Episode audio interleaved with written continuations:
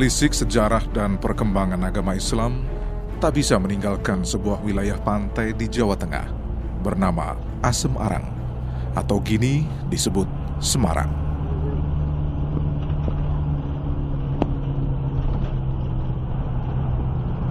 Sejarah mencatat kegiatan siar agama Islam telah dimulai di Semarang pada akhir abad ke-15 Masehi. Dimulai saat kerajaan Demak menempatkan Pangeran Madepandan untuk menyebarkan agama Islam dari perbukitan Pragota.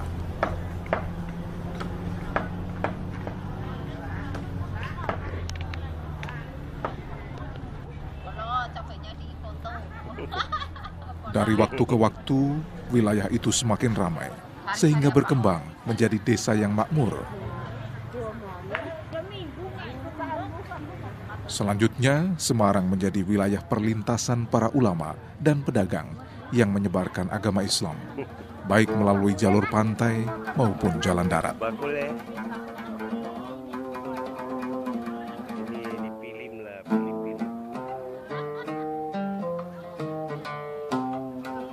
Selain terdapat banyak makam para ulama, di Semarang juga berdiri sejumlah tempat bersejarah yang terkait erat dengan kegiatan siar Islam.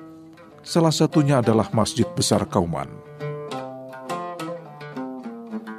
Dulu masjid ini bernama Masjid Agung Semarang, sesuai dengan nama yang tertulis di gerbang masjid dan tertulis di fasad depan masjid.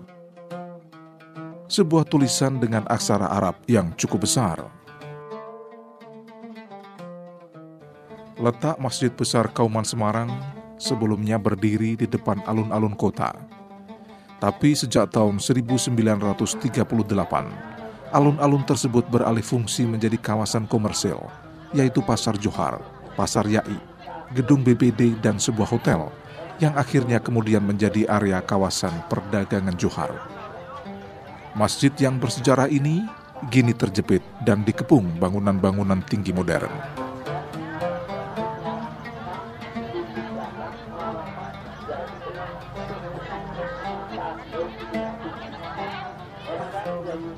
Menurut inskripsi berbahasa dan berhuruf Jawa yang terpatri di batu marmer tembok bagian dalam gerbang masuk ke Masjid Besar Kauman Semarang, masjid ini dibangun tahun 1170 Hijriah atau 1749 Masehi. Inskripsi ini artinya adalah Tanda peringatan ketika Kanjeng Tuan Nikolas Harting, Gubernur serta Direktur Tanah Jawa, pada saat Kanjeng Kiai Adipati Suramanggala membangun hingga jadinya masjid ini pada tahun 1170 Hijrah. Nicholas Harting adalah tokoh utama penggerak lahirnya Perjanjian Gianti tahun 1755 yang memecah wilayah Kesultanan Mataram menjadi wilayah Kesultanan Ngayogyakarta Hadiningrat yang berpusat di Yogyakarta dan Kasunanan Surakarta.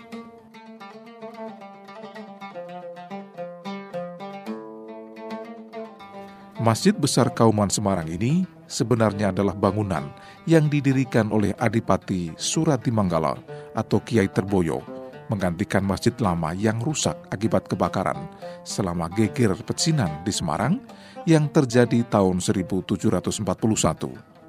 Seperti dijelaskan Sekretaris Masjid Agung Semarang, Abdul Wahid.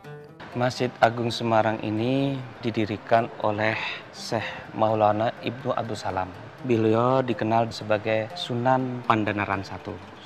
Beliau ini adalah yang diutus oleh Sunan Kalijogo untuk penyebaran agama Islam di sekitar Semarang.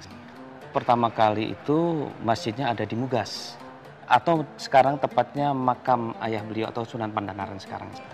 Karena beliau itu kemudian diangkat bupati pertama di Semarang, tidak mungkin bergabung dengan masjid yang ada, kemudian pindah di daerah Bubaan, dekat kota-kota lama. Sekarang itu ya sudah hilang.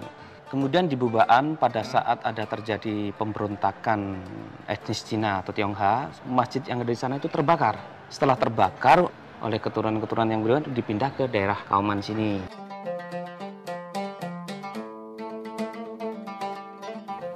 Arsitektur Masjid Besar Kauman Semarang sering disebut dengan konsep tektonika. Sistem yang mirip dengan struktur tumpang pada bangunan tumpang berpenyangga berpilar lima pada bangunan-bangunan pra-Islam di Jawa.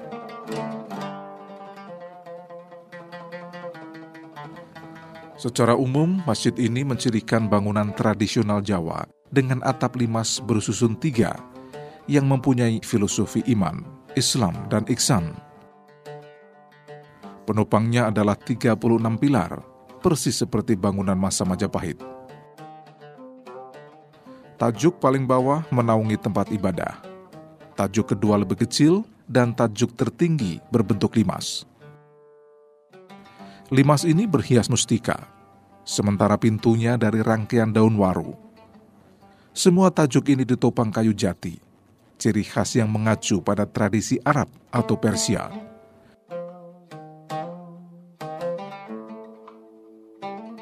Selama bulan Ramadan, di Masjid Besar Kauman Semarang, selalu dipenuhi ribuan orang.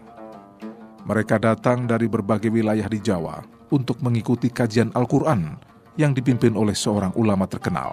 Pada subuh ada pengajian khusus mengkaji ada tasawufnya, hmm. ada ini pokok lengkap ini ada satu ini. Kemudian bacaan Quran jam sembilanan itu sampai qobla duhur. Itu ada juga hafalan Al-Qur'an dibaca. Kemudian bada duhur lah ini yang luar biasa ini. Ini pesertanya sampai ribuan. Jadi bacaan Quran yang kemudian dibaca secara hafalan juga, tetapi dijelaskan fadilah-fadilahnya tafsirnya dijelaskan, fadilahnya dijelaskan. Nah ini yang banyak menarik para baik anak muda maupun para yang sepuh. Fadilah-fadilah ini dikupas di situ. Situs bersejarah lainnya adalah kelenteng Gedung Batu Sampokong yang terletak di daerah Simongan, sebelah barat daya kota Semarang. Ini adalah petilasan atau lokasi persinggahan dan pendaratan pertama Laksamana Tiongkok beragama Islam bernama Zhenghe atau Chenghu. Tanda yang menunjukkan sebagai bekas petilasan yang berciri Islam adalah ditemukannya sebuah tulisan Cina. Marilah kita mengheningkan cipta dengan mendengarkan bacaan Al-Quran. Sejarawan Universitas Diponegoro, Titik Suliati, menjelaskan, saat mendarat di pantai Simongan, Cheng Hu mendapati bahwa masyarakat Semarang sudah banyak yang memeluk agama Islam. Awal beliau ke Semarang, ini masyarakat Semarang ini ternyata sudah banyak yang sudah Muslim dan orang-orang Tionghoa juga banyak yang sudah Muslim. Bukti itu dikuatkan dengan temuan situs makam Islam kuno di Simongan. Seperti dijelaskan Ketua Persatuan Islam Tionghoa Indonesia Piti Semarang, Maksum Pinarto. Pada waktu pemugaran Sampokong itu ditemukan perkuburan-perkuburan yang nisannya masih berbentuk kayu dan warnanya merah gitu, kayak kelenteng gitu. Dan ada huruf kaligrafinya huruf Arab. Sehingga diyakini pada waktu itu telah terbentuk masyarakat Islam mendatang.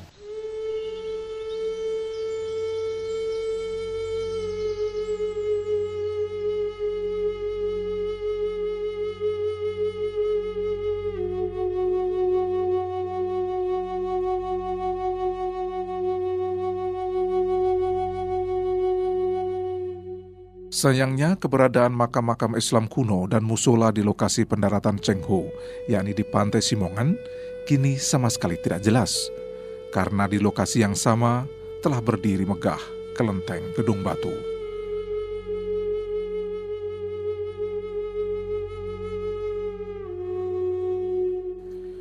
Cheng Hu adalah seorang pelaut dan penjelajah Cina yang melakukan pelayaran jelajah samudera antara tahun 1405 hingga 1433. Cheng Ho lahir dari keluarga muslim.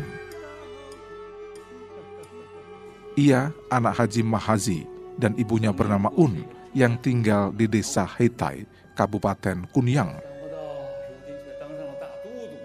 Cheng Ho adalah seorang kasih muslim yang menjadi orang kepercayaan Kaisar Yongle yang berkuasa dari tahun 1403 hingga 1424 atau kaisar ketiga dari dinasti Ming.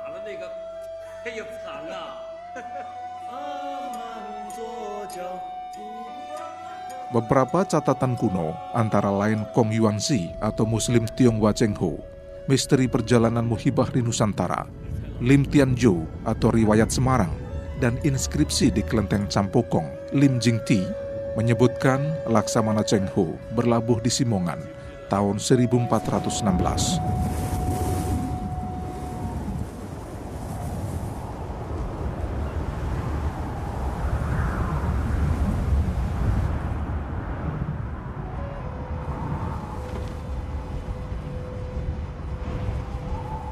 Sedangkan kitab Ying Yai Seng Lam, karya sekretaris Cheng Ho bernama Mahwan, menyebutkan dari tujuh kali pelayaran dunia yang dilakukan, armada Cheng Ho secara resmi telah mengunjungi 37 negara, antara lain Amerika, Vietnam, Taiwan, Malaka, Barus, Palembang, Jawa, Sri Lanka, India, Pakistan, Persia, Saudi Arabia, Mesir, hingga ke wilayah Afrika, tepatnya di Mogadishu dan Mozambik.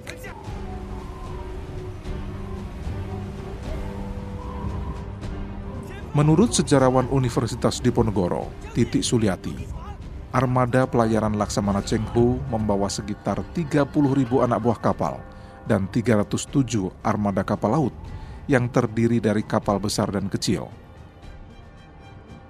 Kapal besar mempunyai panjang sekitar 400 feet atau 120 meter dan lebar 160 feet atau 50 meter. Jadi kalau diperkirakan dengan kapal-kapal bangsa Portugis yang datang ke Indonesia, kapalnya itu lima kali lebih besar. Dan itu oleh para bahariwan Portugis itu jadi prototipe yang ditiru kapal Cheng Ho ini memang berbeda dengan bangsa barat yang datang ke Indonesia di mana Cheng Ho ini mengemban misi damai. Jadi dia tidak ingin kekuasaan, ya kekayaan, tapi bahwa dia hanya ingin menjalin hubungan yang damai, yang harmonis dengan bangsa-bangsa lain. Dalam sejarah ekspedisi pelayaran dunia, nama Laksamana Cheng Ho jauh berada di atas para pelaut bangsa Eropa, seperti Bartolomeus Dias, Marco Polo, Vasco da Gama, bahkan Christopher Columbus. Majalah Life menempatkan Laksamana Cheng Ho pada nomor 14 orang terpenting dalam milenium terakhir karena perjalanannya menghasilkan peta navigasi Cheng Ho yang mampu mengubah peta navigasi dunia sampai abad ke-15. Dalam buku itu terdapat 24 peta navigasi mengenai arah pelayaran jarak di lautan, dan nama-nama berbagai pelabuhan di berbagai belahan dunia.